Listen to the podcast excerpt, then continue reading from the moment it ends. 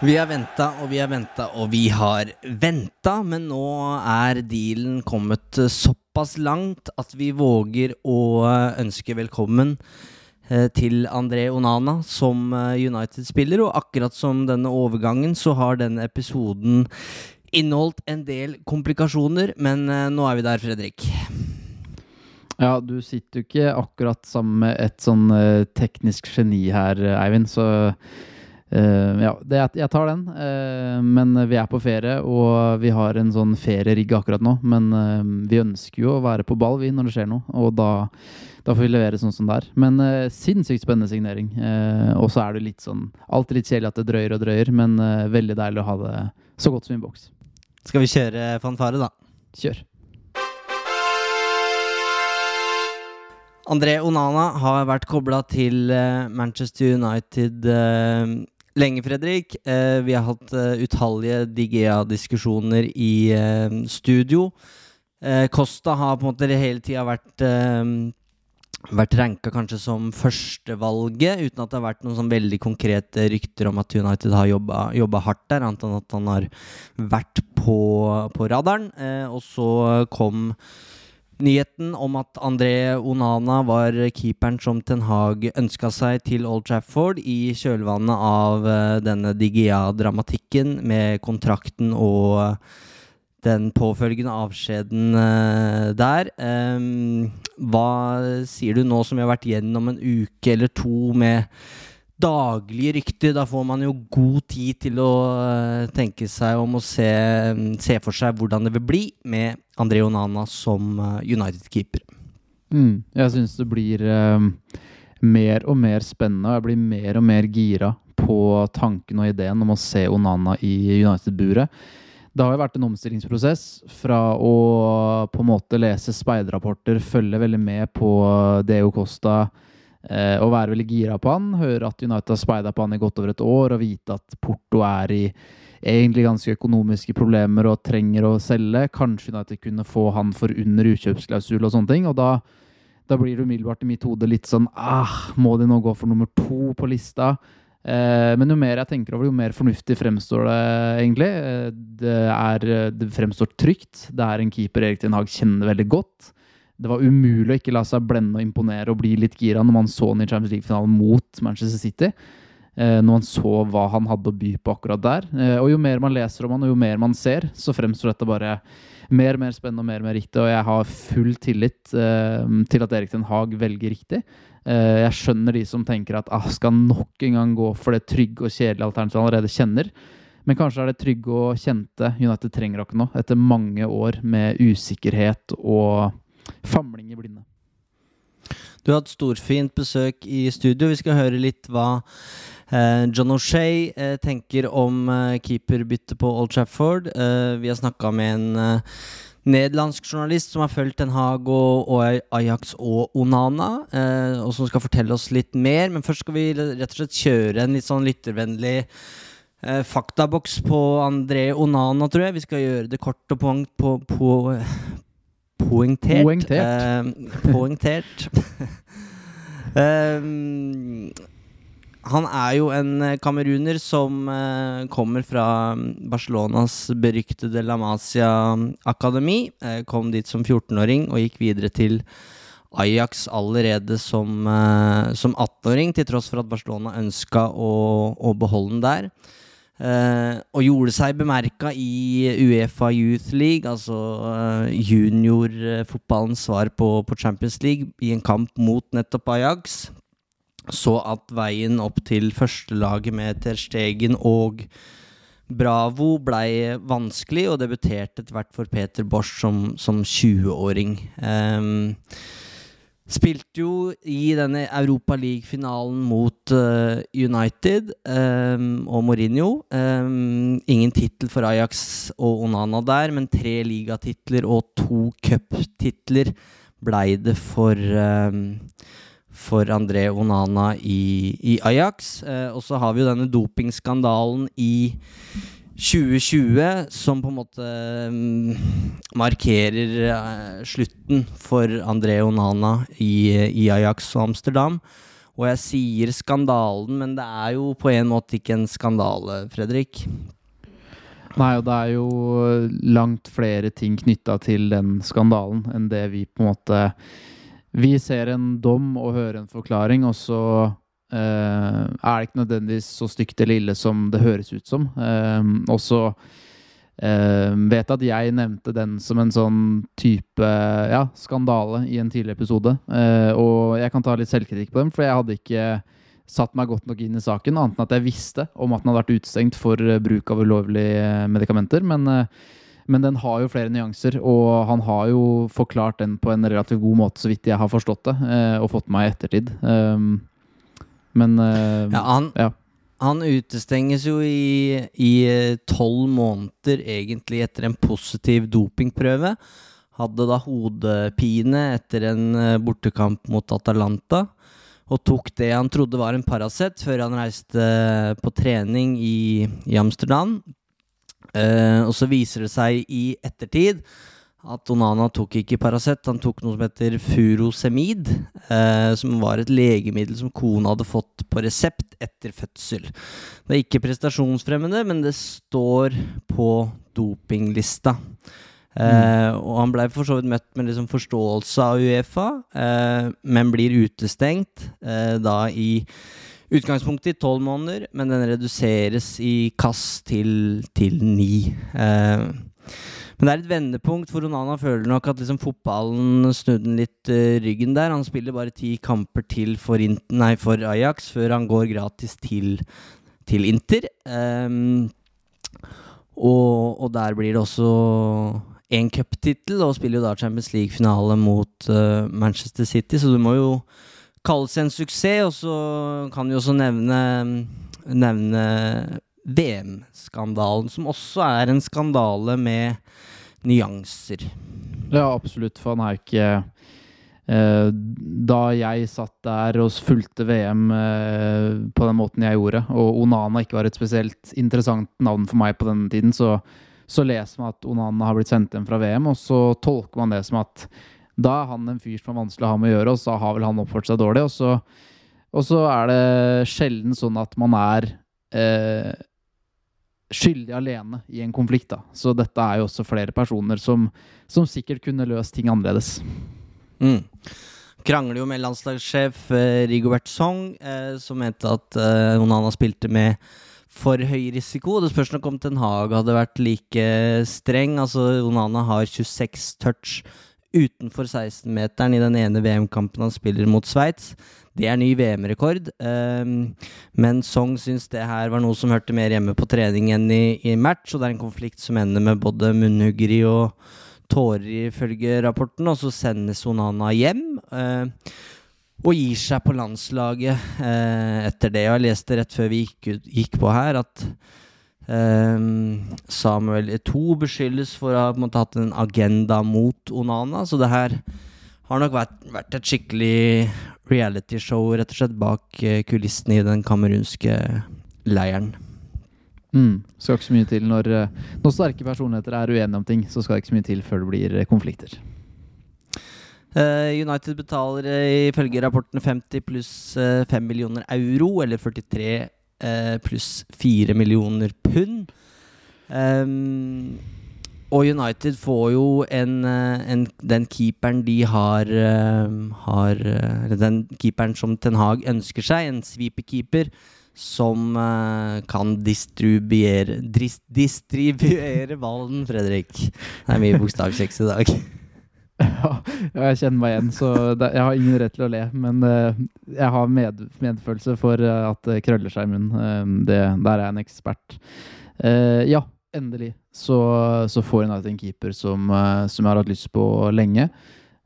og det må være lov å si uten at man hater David Egea.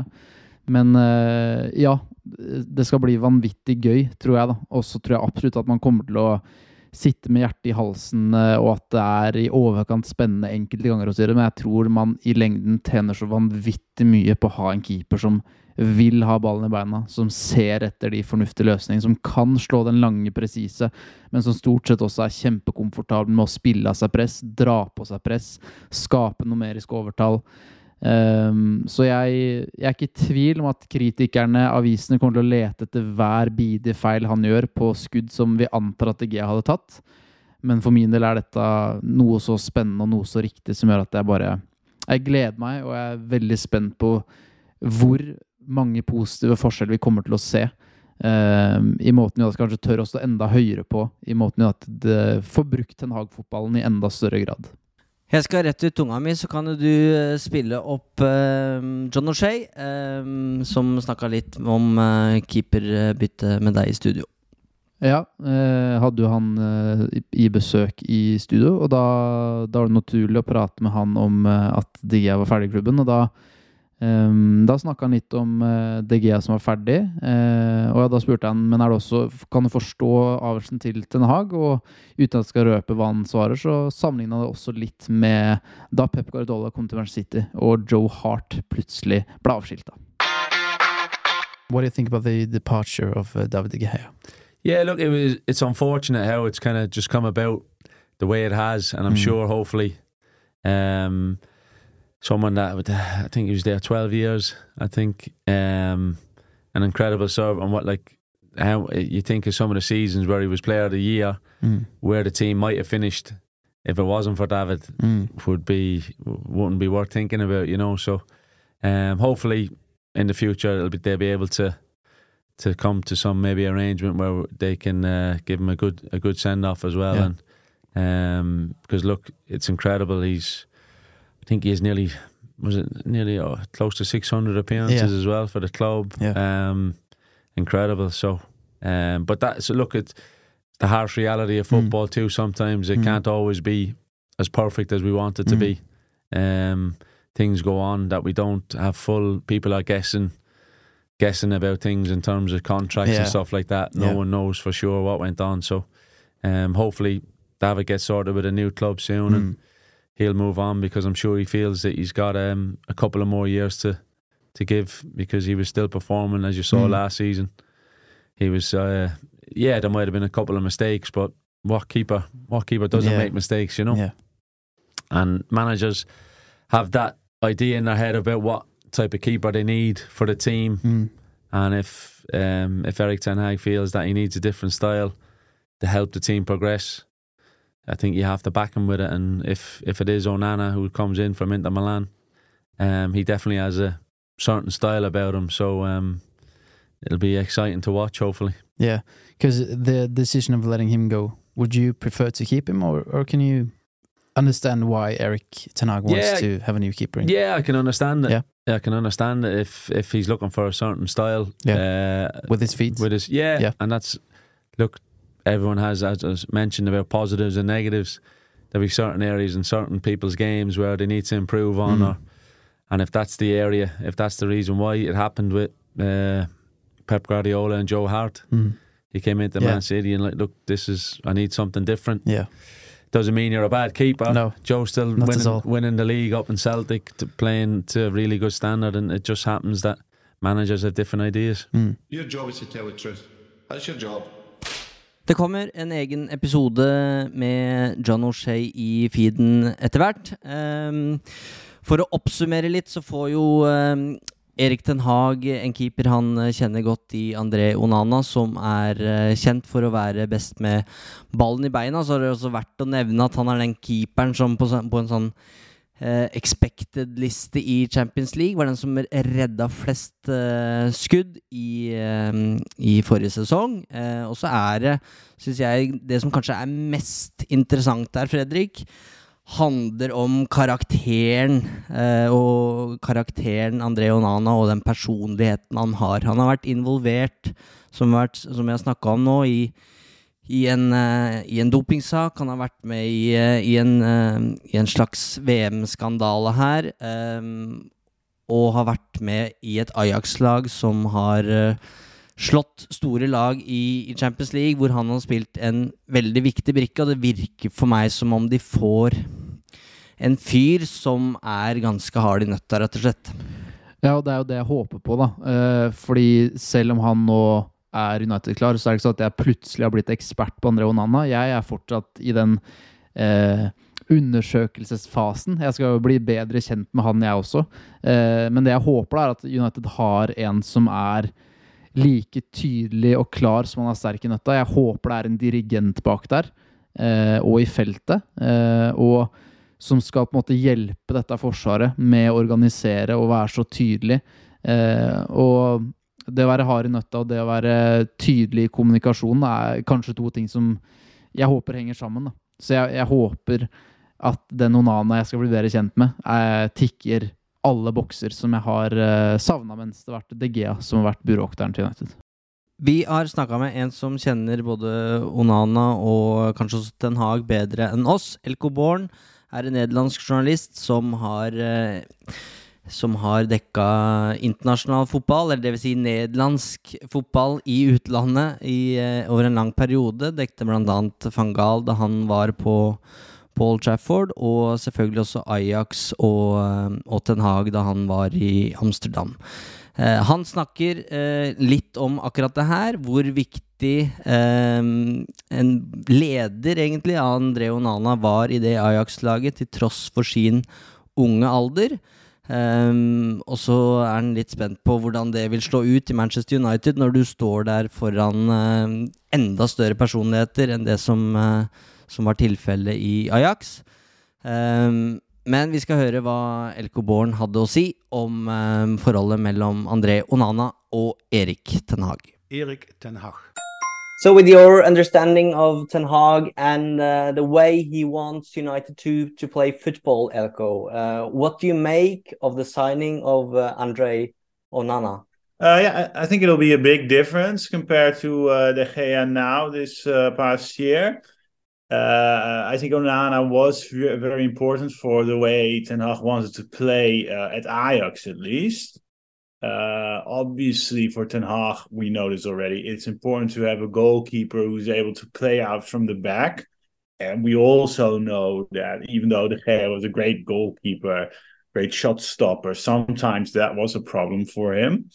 And I'm quite sure that it probably frustrated Ten Hag a lot uh, last year that that wasn't always going well with De Gea.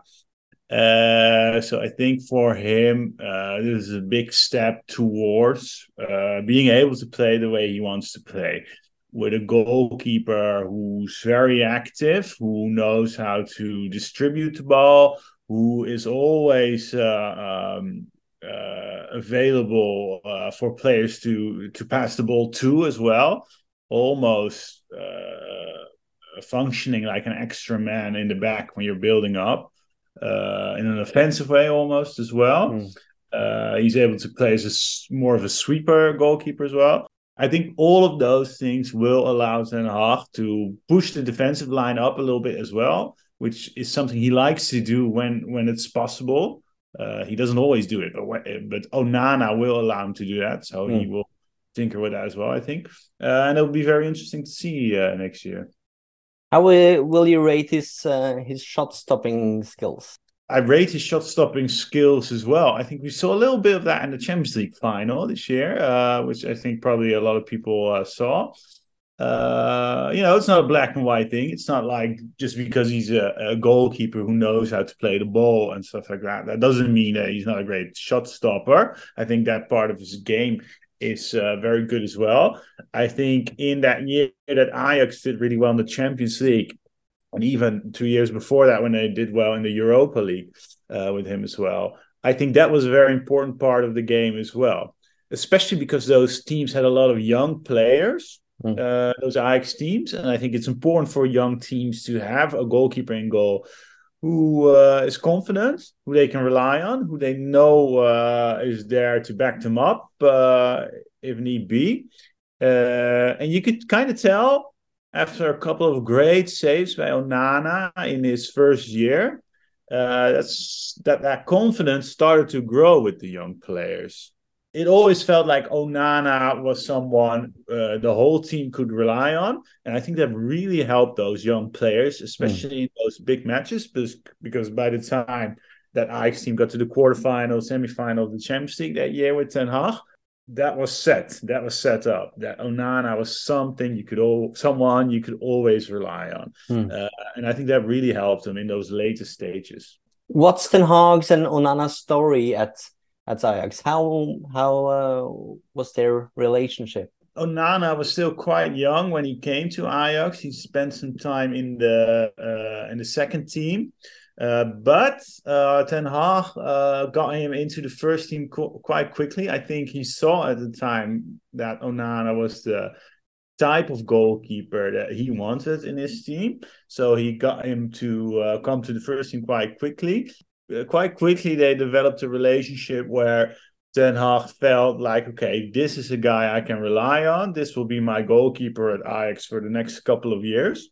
And of course, that's exactly what happened, and it turned out to be a to be a great decision by uh, Ten Hag at Ajax. So I think that's what we're seeing here as well. Uh, hmm. uh, Ten Hag knows that that Onana is someone he can rely on. Uh, I think he needed a new goalkeeper this year because De Gea just isn't quite the type of goalkeeper that he would like. Uh, and the first one he thought of was Onana. I'm sure mm. of hmm. that because that that choice to rely on him at Ajax worked out so well for him. So I think it's a great decision uh, to go for Onana this year. He's had a quite eventful career so uh, so far, and you had the failed drug test story, um, and then the the contract. Uh, he went to Inter uh, at free transfer. Was there any drama behind the scenes? Yeah, there was quite a lot of drama at Ajax in a, in his last year, uh, which is a shame, I think, because I think if that hadn't happened, I think Onana could have been uh, much more of a legendary player for Ajax and in Ajax fans in their memories. So what happened was, like you mentioned, he failed a drug test. Uh, and during that time, his contract ran out or almost ran out at Ajax. So Ajax wanted to give him a new deal. Ajax figured that look, we're doing you a favor here as well because you haven't played for a year, but we're still giving you a new deal. Obviously, normally you would have to earn a new deal by playing really well. Uh, but uh, Onana declined. He said, "No, I'm not signing that new deal. Uh, I'll just uh, uh, I'll just leave for free at the end of the year." Mm. and I think for Ajax that that did that didn't go down well. With a lot of fans, it didn't go down well. It felt ungrateful because for Ajax, you know, Ajax their whole style is to give young players a chance, put them in the first team, um, and then the deal is we'll let you go as well if a bigger club wants to buy you after uh, two or three years doing really well in the first team. That's fine, but we'll want a transfer fee. Obviously, you'll get your big move. We'll get a little mm. bit of money. That's how we work. Let's do this together. That's usually sort of the the type of deal Ajax wants to make with young players. Obviously, that's the type of deal they thought they were making with Onana as well. So for him to just walk out uh, without that big transfer fee.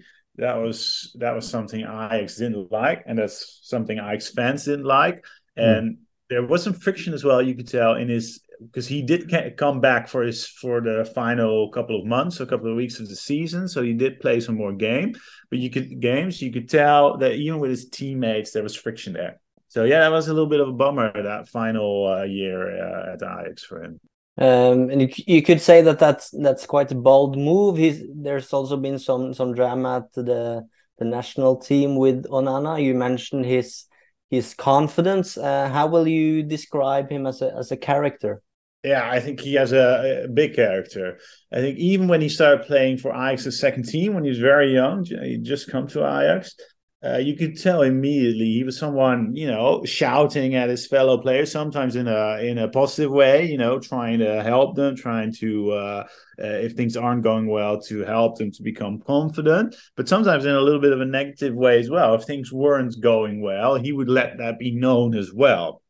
Quite vocal in a way that's good. You want that for a goal goalkeeper. You want him to have a strong personality. You want him to communicate with his teammates in bad times and in good times but um, you know, it, it's easy to go too far in that direction as well. You don't want to come across um, as a bit of uh, uh, yeah. Uh, you want to be a good teammate, a friendly mm. teammate, obviously, and not uh, something your your teammates uh, uh, don't like and get annoyed by.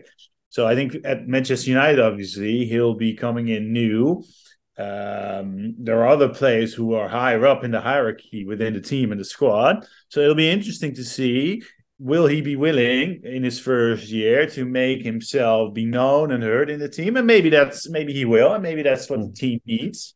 Uh, or maybe uh, maybe he'll take a bit of a slower pace in that regard as well, because maybe that's he'll need to do that as well. But you know, it's good that that Ten Hag has experience working with him, and I'm sure Ten Hag will know how to talk to him, and mm. I'm I'm sure he'll try to guide him in that regard as well. And you know, maybe Onana uh, is a little bit more mature now, a little bit older. He's played obviously in Italy as well uh, as well now. Um, I, I wouldn't be too worried about that. I think he will uh, be confident in his first year. Even I think he will try to make himself be heard. Uh, and I think that'll be a good team for Manchester United. Thank you so much for your insights, Elko. Um, what's what's the common opinion in the Netherlands regards to to Erik ten Hag? Is is everyone rooting for him to succeed at United? Yeah, definitely. I think people were very happy to see him move to uh, Manchester United because again he left Ajax, but you know just like with players uh, Ajax fans know that if a player or the manager does well for a couple of years at Ajax, they will probably leave to the Premier League or to the Bundesliga or to Spain or Italy. They know that they think it's fine. Uh, they are cheering him on to do well in Manchester, and people are quite proud and happy as well. They think he's doing a good job at Manchester United. You know, obviously Manchester United have had a uh, a difficult time ever, th- ever since Sir Alex Ferguson retired. Uh, a lot of managers came in and didn't quite succeed. Uh, and now, so far, it looks like Ten Hag is doing a lot of things right, and people think that's that's fantastic to see. That's uh, that's a really uh, wonderful job he's doing. Mm. So uh, yeah, people are definitely cheering him on. And it might be even better with Andre Onana. It seems. Yeah, let's hope mm. so. Uh, I just love United.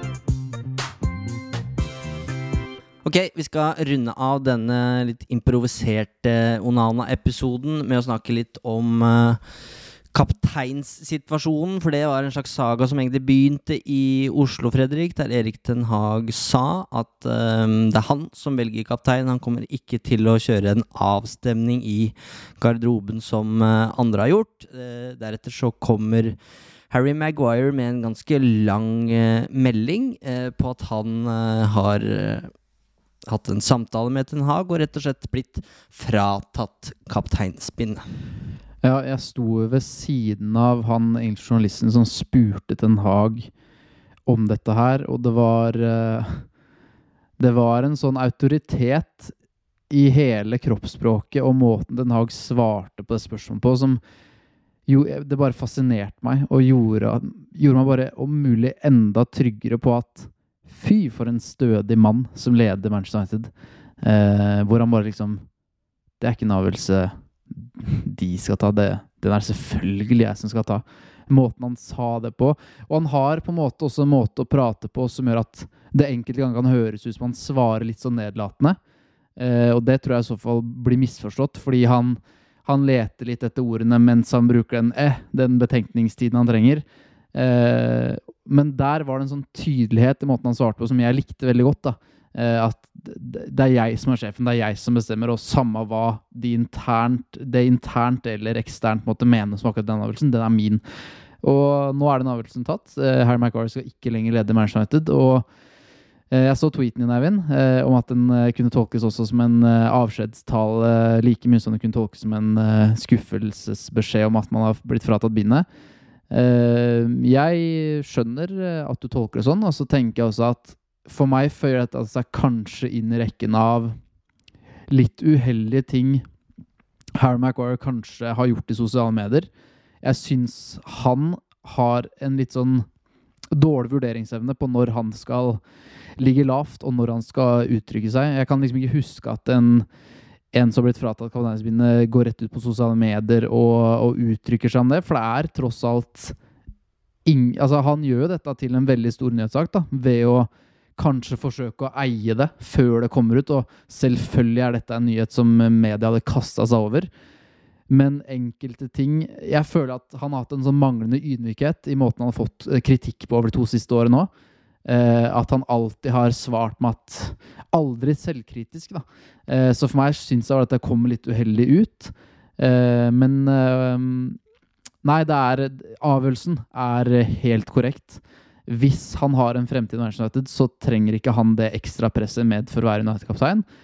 Og han har ikke en standing i gruppen, og ikke blant fansen. Og nok en gang så syns jeg Erik Den Haag viser at han er sjefen ved å ta det som er en eh, tydelig avgjørelse. Det er en sjefsavgjørelse. Det er han som lot McGuire også eh, fortsette med kapteinsbindet. Så han innrømmer på en måte at han også har gjort en feil her.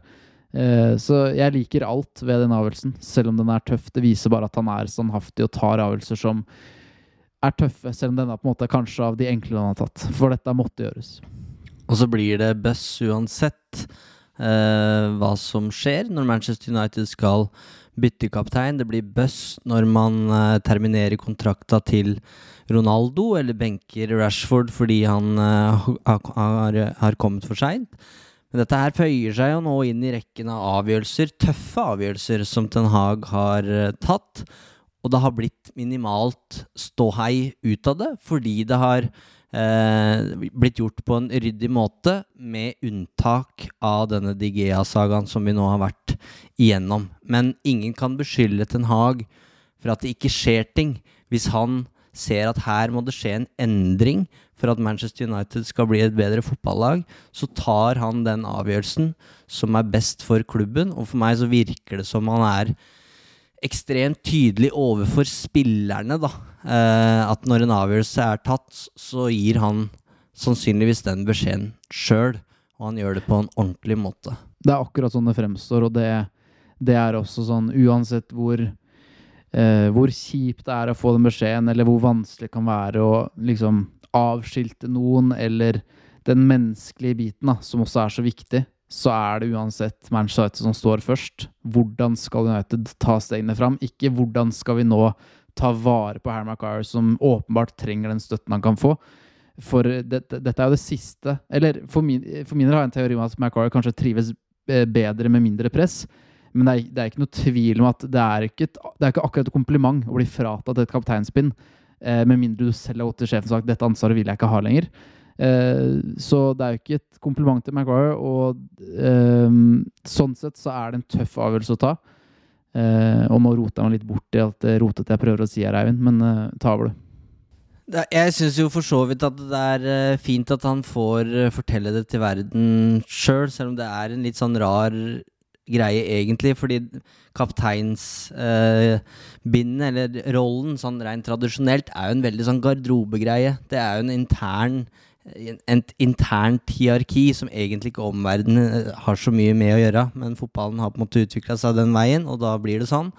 Og, og, det er jo ganske brutalt å bare bli fratatt kapteinspinnet på den måten. Det, det, er ikke så ofte det skjer. Som regel blir man solgt, eller du blir så gammel at du ikke spiller nok kamper til at det er naturlig. Um, men hele den Dette er jo bare for meg siste skudd på, på den Maguire-stammen. Dette her, altså Alle pe piler peker i én retning, og det her er på en måte siste signal om at du er ikke i planene her. Uh, og det kan jo rett og slett være et taktisk valg fra Ten Hag, som veit at han må ha inn penger i sommer. Derfor sier han til Maguire nå tidlig, før avreise til USA, om at du er ikke min kaptein, uh, og dermed indirekte også at du, du kommer ikke til å Spiller mye. Du burde finne deg en ny klubb. Og så får vi se om det blir Westham eller et annet sted. Uh, uh, for, uh, for Maguire vil jo spille EM neste sesong, og kan ikke da sitte en ny sesong på United-benken. Nei, for han har jo i hvert fall fortsatt hatt den tilliten fra Gareth Southgate for England. Men det er jo på låntid, hvor lenge du kan være i en sånn situasjon. Og jeg også tolker jo og jeg håper jo på en måte også at det har vært den tydelige beskjeden fra Ten Hag. da, At i forbindelse med at du ikke lenger er kaptein, så, så har du også muligheten til å se deg etter en ny klubb.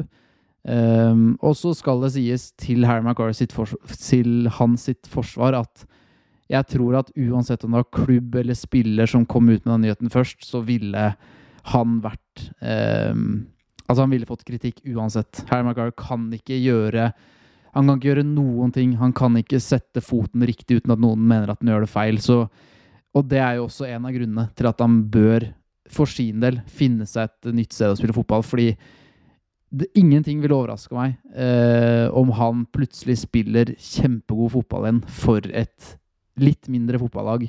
Eh, hvor han kan få gjøre nettopp det han er god på. Og um, ja, det, jeg jubla den dagen han ble signert. Jeg syns prislappen var høy, men uh, og vi har hatt ganske mange diskusjoner om dette tidligere, Eivind. Eh, du kalte point of no return for ganske lenge siden. Jeg tviholdt på at han var så viktig den sesongen han var viktig, og at jeg håpa han var av vei tilbake.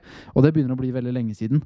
Eh, og nå, nå bør bare de Jeg håper han innser at han har best av å gå et annet sted. Og for Lommeboken United så ville det også vært det beste.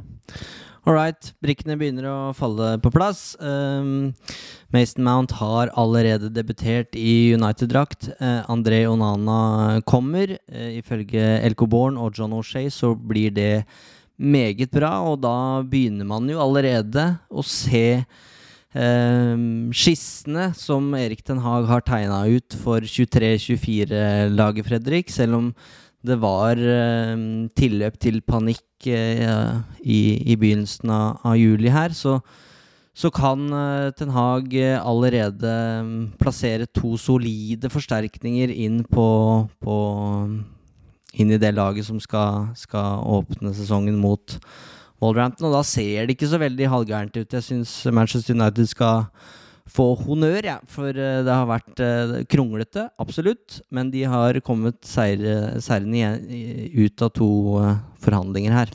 Utvilsomt, og det Vi er fortsatt midt i juli. Mount er på plass, Onan er på plass. det virker som en tydelig endring i måten de forhandler på. De virker mer Vi skal ha det på den måten her, ellers så blir det ikke noe av. Eh, det virker ikke som de lar seg herse med lenger, og det da risikerer man jo at enkelte spillere glipper fordi at man står på kravene sine, men den risikoen er man nødt til å ta. Det er på tide at United gjør endringer i måten de forandrer på. Det So far, so good. Eh, og så får vi se da, hva, hva, mer som kommer inn i sommer. For jeg United kan ikke tillate seg å være ferdig, men eh, nå har de fått inn to brikker som utvilsomt forsterker elveren. Eh, og mer enn det kan vi jo egentlig ikke drømme om det er fortsatt lenge til vinduet stenger, så satser vi på at det går spillet ut, som gjør at man får penger til flere strenger å spille på der framme. Veldig tabloid sagt, da, så vil jo Manchester United bli et bedre fotballag med, med, Onana når de har ballen, og eh, med Mount når de ikke har den. Eh, en skikkelig presspiller på, på, på midten der. Og så er det det store gapende hullet da, eh, på topp. Nå er jo eh, da bare 15 millioner pund igjen av det utgangsbudsjettet som vi eh, i hvert fall har, eh, har hatt som utgangspunkt hele veien, på 120 millioner. Så må jo selges noen her før eventuelt en Rasmus Høylund eller andre kommer inn. Men uh, før vi triller terning på det, på det, vinduet her, så må det en spiss inn, og jeg vil utfordre John Murtow til å få inn den spissen før det er seriestart mot Wolverhampton 14.8. For vi veit hva en dårlig sesongstart kan uh, gjøre. Og med bortekamper mot Tottenham og, uh, og Arsenal uh, tidlig i sesongen, så bør de alternativene være noen andre enn en Martial, som da nettopp er tilbake fra skade, sannsynligvis, og en Marcus Rashford, som, som bør spille på, på venstresida.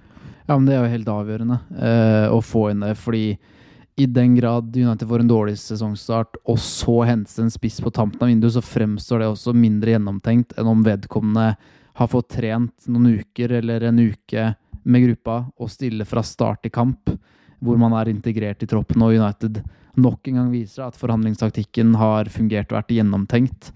Eh, nok en gang hvor man etter to tap i fjor er sånn Ja, vi drar opp Casemiro-hatten. Veldig fint, det, men timingmessig så fremstår det ikke så veldig gjennomtenkt. Eh, så jeg, nei takk til denne spontaniteten, eh, og ja takk til at ting skjer før man reiser til USA, eller mens man er i USA, eller i hvert fall i god tid til seriestart. Og så vil jo ikke det alltid la seg gjøre. Hvis det er sånn at det er Harry Kane som trekkes opp av hatten på tampen av augustvinduet, så har det sine naturlige årsaker.